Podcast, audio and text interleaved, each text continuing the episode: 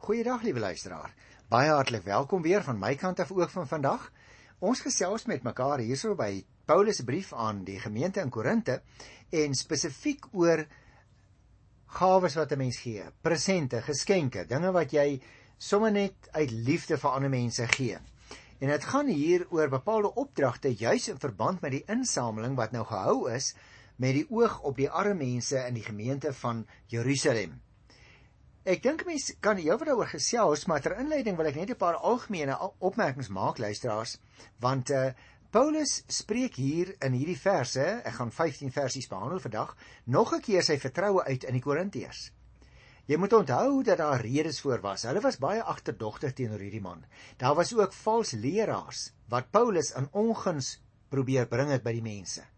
En daarom spreek hy nou nadat daardie verhoudinge herstel is tussen hulle, spreek hy sy vertroue in hulle nog 'n slag uit. Hy is byvoorbeeld wel besorg dat die insamelingsproses dalk tot stilstand kan kom en daarom stuur hy nou die drie broers vooruit om die insameling te voltooi en dan die geld na Jerusalem toe te neem vir die arme gemeente daarso. Die dankoffers is natuurlik niks anders nie as 'n blyk van dankbaarheid. Dit moenie gesien word as iets wat hy as dit ware van die mense afgepers het nie.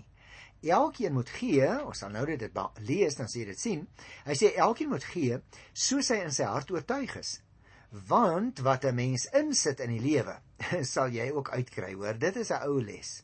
Niemand moet teesinnig of uit dwang gee nie, want God het die blymoedige gewer lief. Dit moet ons nooit vergeet nie. Ek wil miskien net ehm uh, na die Ou Testament ook verwys voordat ek verder gaan in hierdie verband waar dit ook handel oor die gee van gawes, byvoorbeeld in Maleagi 3 vers 8. Volgens die wet van Moses was die gee van 'n tiende verpligtend, lees ons daar in Maleagi. In die Nuwe Testament luisteraars word die gee van gawes nie in 'n persentasie of in 'n breukdeel van jou inkomste uitgedruk nie. As ons dus vandag gaan begin gesels oor 2 Korintiërs 9, dan moet ons onthou dit bevat 'n baie goue beginsel in die 7de vers. Elkeen moet gee soos hy hom in sy hart voorgenem het, nie met teesin of uit dwang nie, want God het die blymoedige gewer lief. En ek dink dit is een van die beginselopmerke wat die apostel hier maak in 2 Korintiërs 9 by die 7de vers, maar ek sal weer daarby uh, nog 'n keer terugkom. Ek praat net eers so 'n bietjie oorsigtelik. God sal met ander woorde die Korintiërs ryklik seën en aan hulle sy oorvloed skenk. God self sal hulle liefdeswerk beloon. En dit is belangrik wat die apostel hier sê. Jy sien, die Korintiërs moet maar net onthou, wie min saai, sal weinig oes. En wie volop saai, sal oorvloedig oes. Om aan armes te gee beteken eintlik om God se liefdeswerk in jou met wederliefde te beantwoord. Is dit nie waar nie? En so luisteraars word die vrug op die saad wat God voorsien het bekend. Daarom moet elkeen wat ontvang het ook vrywillig en bereid wees om ook aan ander uit te deel. Deur Paulus se bemiddeling kry die Korintiërs met ander woorde die geleentheid om hulle vrygewigheid te beoefen, maar ook om God daarvoor te dank. Die kollekte gaan dus nie net oor die verligting van die nood in Judea nie. Ons moet dit baie goed raak sien. Maar dit gaan ook oor 'n oefening in vrygewigheid.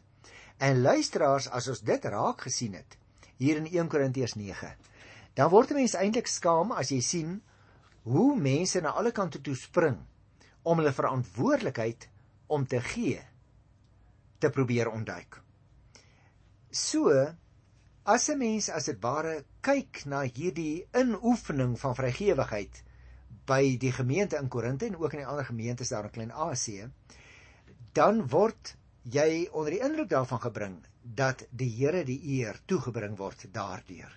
Die mense van Judea sal vir die Korintiërs dankie sê, maar terselfdertyd sal hulle ook die Here prys oor die Korintiërs se gehoorsaamheid om sulke geskenke te gee.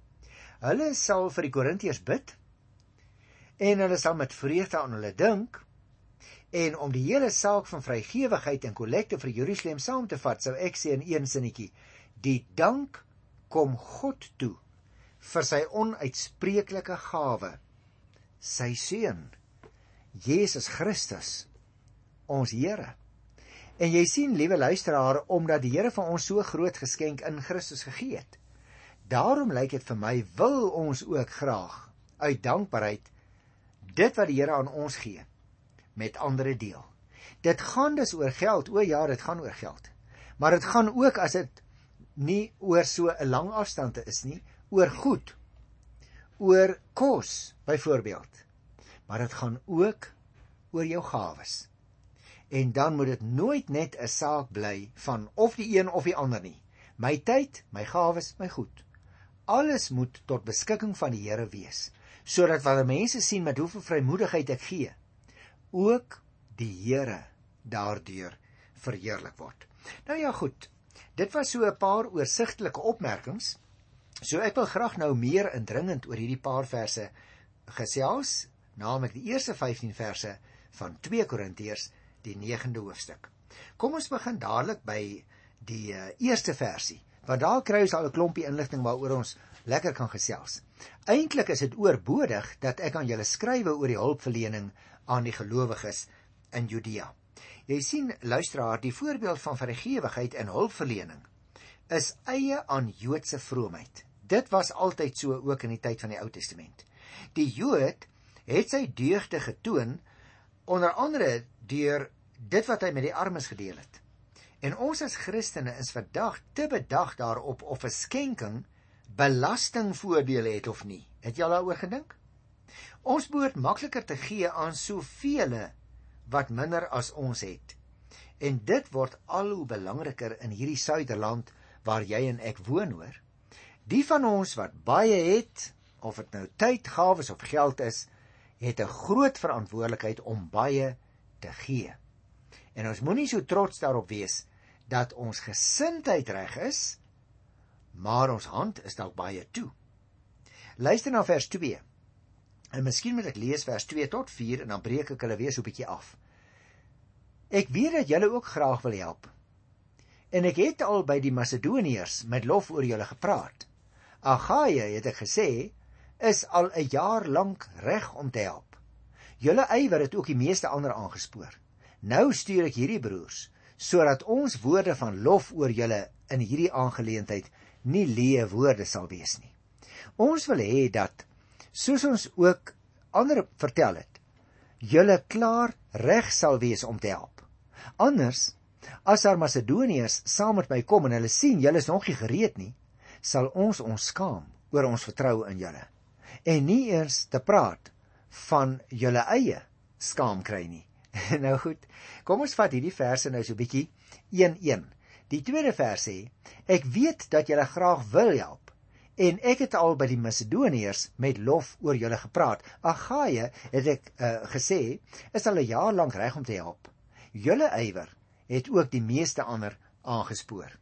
Die apostel is dus met ander woorde hier besig om te sê, liewe luisteraar, wat myself betref, ek is ten volle verseker van die bereidwilligheid van die Korintiërs. Daarvoor het ek groot waardering.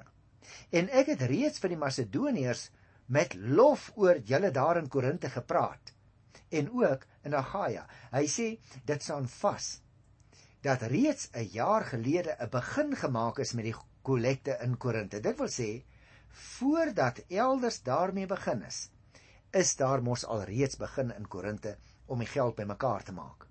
En daarom het die voorbeeld van Korinte as 'n spoorslag gedien vir ander gemeentes, waaronder dan die gemeentes in die gebied van Macedonië. En daarom het Korinte eintlik nie aansporing nodig nie, want hy sê wie julle wat? Omdat julle begin het met hierdie insameling vir die armes, was julle 'n voorbeeld en het heelwat ander gemeentes ook daarmee begin. En dit is so, liewe luisteraar, vandag ook.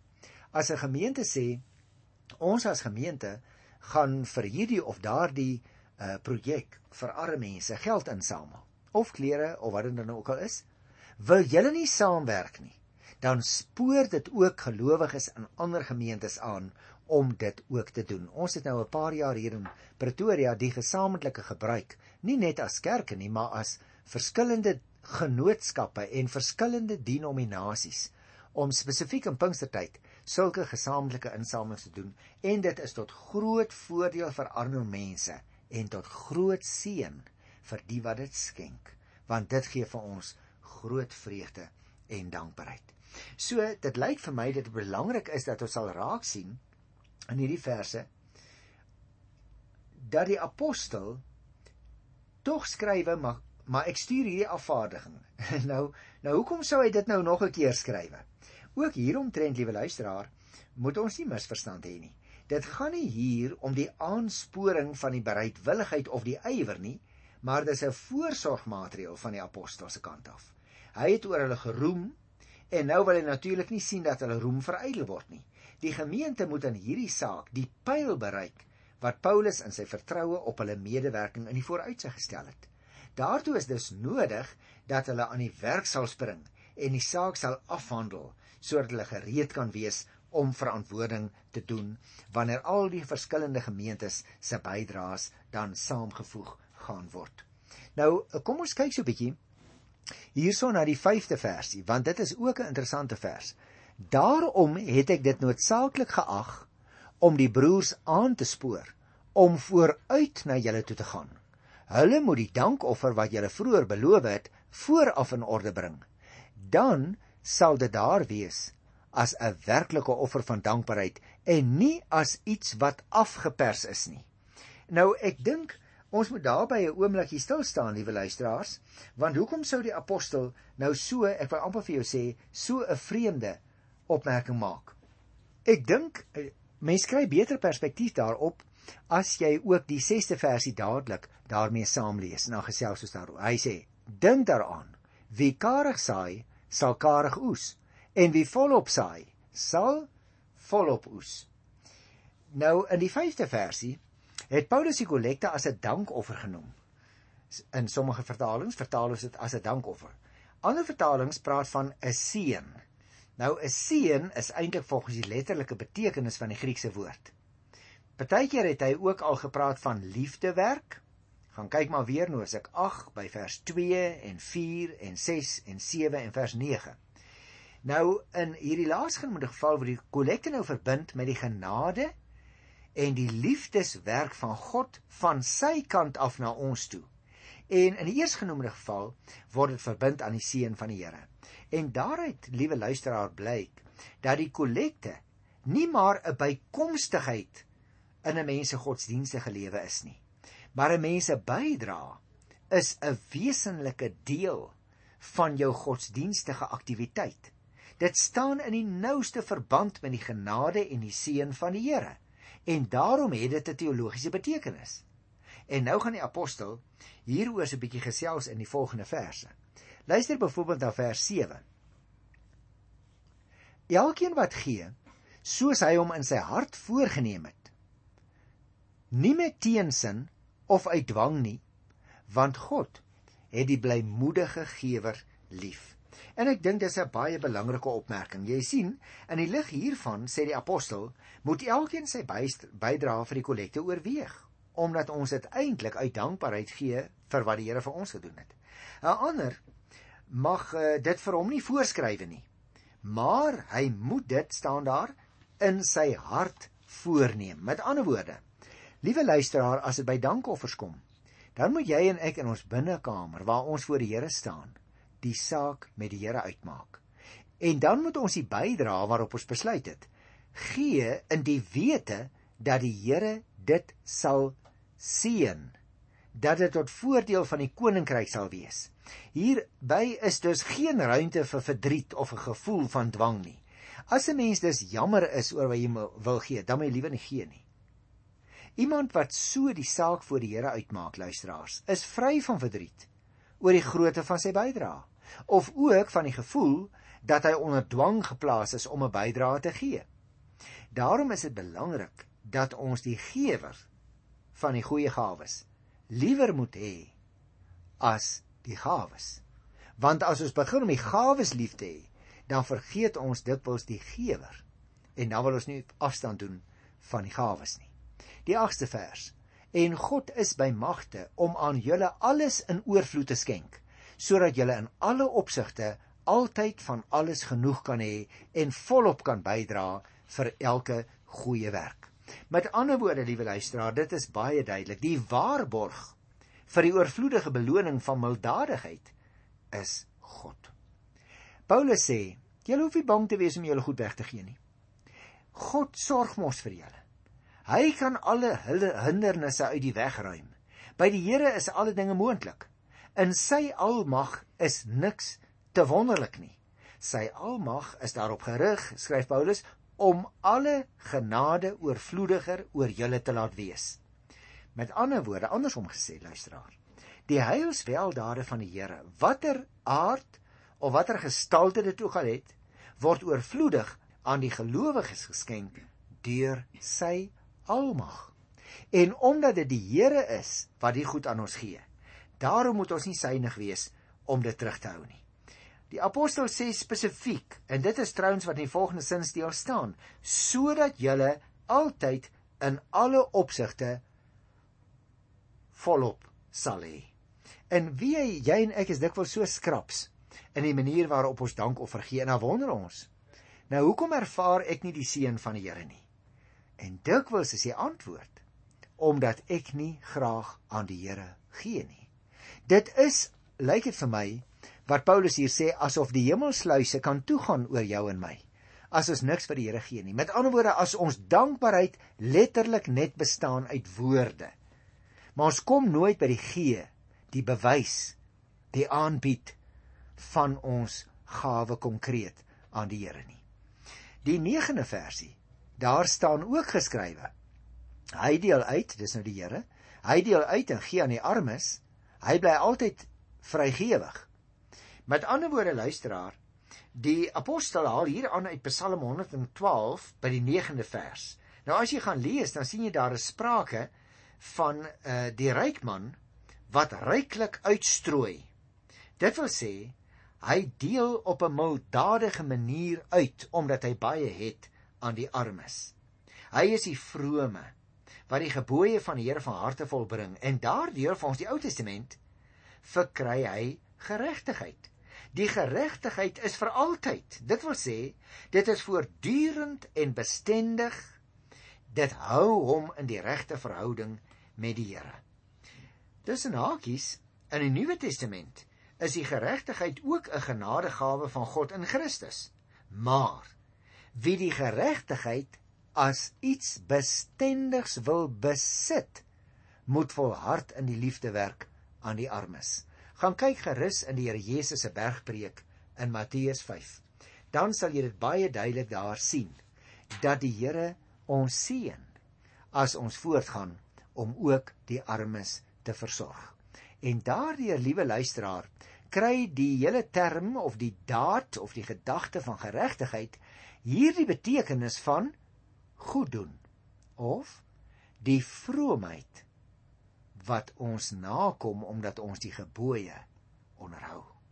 Daarom is goed doen aan armes 'n deug in die Here se oog en moet ons dit nie nalat nie. Nie om ons saligheid te verdien nie, maar omdat ons klaar gered is uit dankbaarheid goeie dade en deugde doen. Luister na vers 10. God wat saad verskaf om te saai en brood om te eet, sal ook aan julle saad gee en dit laat groei en julle vrygewigheid 'n ryk oes laat oplewer. Nou ek dink dit spreek hier vir sigself. Dat Paulus besig is om te sê wanneer jy vrygewig is teenoor ander mense, dan gaan die Here vir julle seën. Maar weer eens, liewe luisteraar, moet ons nooit die verwagte seën van die Here as die grondslag en as die motief vir ons vrygewigheid neem nie. Ons gee onvoorwaardelik terwyl ons nie die seën van die Here daarmee as dit ware op onsself wil neertrek nie. Daar staan in die 11de vers hier in 2 Korintiërs hoofstuk 9. God maak julle altyd in alles ryk genoeg om by elke geleentheid vrygewig te kan wees. Deur ons bemiddeling het julle vrygewigheid tot gevolg gehad dat God gedank word. Want sê vers 12 Die bediening van hierdie hulpbetoon voorsien nie alleen in die behoeftes van die gelowiges in Judea nie, maar bring ook oorvloedige dankbaarheid teenoor God mee. En is dit nou nie 'n wonderlike opmerking van die apostel nie? Hy sê dit is asof daar iets met julle gebeur. As julle harte gewillig is en julle hande is vrygewig, dan word dit as dit ware 'n stroom van seën nie net in die rigting van medemense nie, maar ook in die rigting van die Here. En daaroor in ons eie terme gesê, daaroor is die Here bly. En gevolglik, liewe luisteraar, moet jy en ek dalk 'n slaggie weer ons hand in eie hart steek. Moet ek vir myself vra, hoe lyk my vrygewigheid? Wat is die gesindheid waarin ek gee? Want jy sien, ons het 'n vorige program al vir mekaar gesê, hierdie soort van goed begin wanneer ek sien wat is die nood van die ander? Wanneer ek inkom op 'n empatiese manier onder die vel van die ander en iets voel vir die ander en dan eers in die derde fase tot die daad oorgaan sien empaties voel en dan handelend optree en daarom is dit so belangrik dat ons baie ernstig sal neem wat die apostel hierso sê. Luister nou na die 13de vers. Deur hierdie duidelike bewys van julle bereidheid om te dien sal daar baie wees wat aan God eer toebring. Hulle sal hom prys oor julle gehoorsaamheid aan die evangelie van Christus wat julle bely en oor julle opregte en mededeelsaamheid teenoor hulle en teenoor al die ander. Het jy al vir iemand wat behoefte het, al is dit 'n boemelaar, jy al vir so 'n persoon gegee en soms ook die ervaring gehad hoe dat hierdie persoon vir jou sê die Here seën jou meneer of mevrou. Nou is dit natuurlik sekerlik waar dat dit soms net 'n gewoonte kan wees om jou as gewer se hart sag te maak. Maar hier kry ons 'n interessante ding in die Bybel dat Paulus sê: "Die ontvangers van julle vrygewigheid gaan die Here dank." Hy gaan daardie persoon gaan die Here dank vir julle omdat julle gee van dit wat julle so mildelik ontvang het. As mense so daarna kyk, liewe luisteraar, dan besef ek dit gaan nie net oor die vreugde wat daardie mense gaan belewe teenoor jou en teenoor my as gewers nie maar dit gaan ook oor die vreugde wat hulle gaan belewe teenoor God. En daarom wil ek graag kom by die laaste versie, dit is ook die laaste versie wat ek vandag wil behandel. Ek het sommer die hele 15 verse van 2 Korintiërs 9 behandel. Luister na vers 15. Ons dank God vir sy onuitspreeklike gawe. Nou dit is 'n hoogtepunt as die apostel so afsluit, nie waar nie? Want al hierdie dinge wat aan het gebeure is, met ander woorde die mense wat in blydskap en dankbaarheid gee, sien Paulus as die vrug van die Korintiërs se medewerking aan die kollekte. Die insameling is op hierdie stadium, moet ons nou onthou, is op hierdie stadium nog nie afgehandel nie. Maar Paulus is alreeds verseker van die welslaag. Met ander woorde, hy het soveel vertroue in die milddadige vrygewigheid van die Christene dat hy by voorbaat al vir God dank. En daarmee, luisteraar, word ook 'n bepaalde gesindheid geopenbaar dat ons positief sal wees oor al die gelowiges se offervaardigheid dat ons nie by voorbaat as daar 'n insameling in die 10de maand is of 'n spesiale insameling of die gewone insameling 'n sug slaag en sê: "Ag, nou ja, hulle sal seker nou vandag weer nie baie gee nie." Maar dat ek vir myself sal sê: "Ek gaan vandag met blydskap gee en ek gaan gee soveel as wat ek kan." Dat ons dit sal doen in die erediens, dat ons dit sal doen buite die erediens met behoeftige en arme mense vir wie ons teekom, maar dat ons dit ook sal doen wanneer dit kom by ons tyd en met ons gawes die Here in oorgawe sal dien. Dit is dus belangrik dat ons daaraan sal dink, liewe luisteraar, hier in die 15de vers. Ons dank God vir sy onuitspreeklike gawe. Met ander woorde, die Here se heilshandeling in die verlede, ja ook in die hede en ook in die toekoms, soos wat Jesus Christus aan ons gaan kom wys wanneer hy weer kom. Daarin in die Here, liewe luisteraar, is die waarborg geleë vir die voorspoedige verloop van die insameling en ook vir die éventuele danksegging en lof aan God by gewer en by ontvanger, by Korinte en in Jerusalem. Dit is met ander woorde in die hele hele kerk van die Here hier op aarde. 'n Instelling van dankbaarheid en vrygewigheid. Mag ek vir jou vra? Is dit met jou so?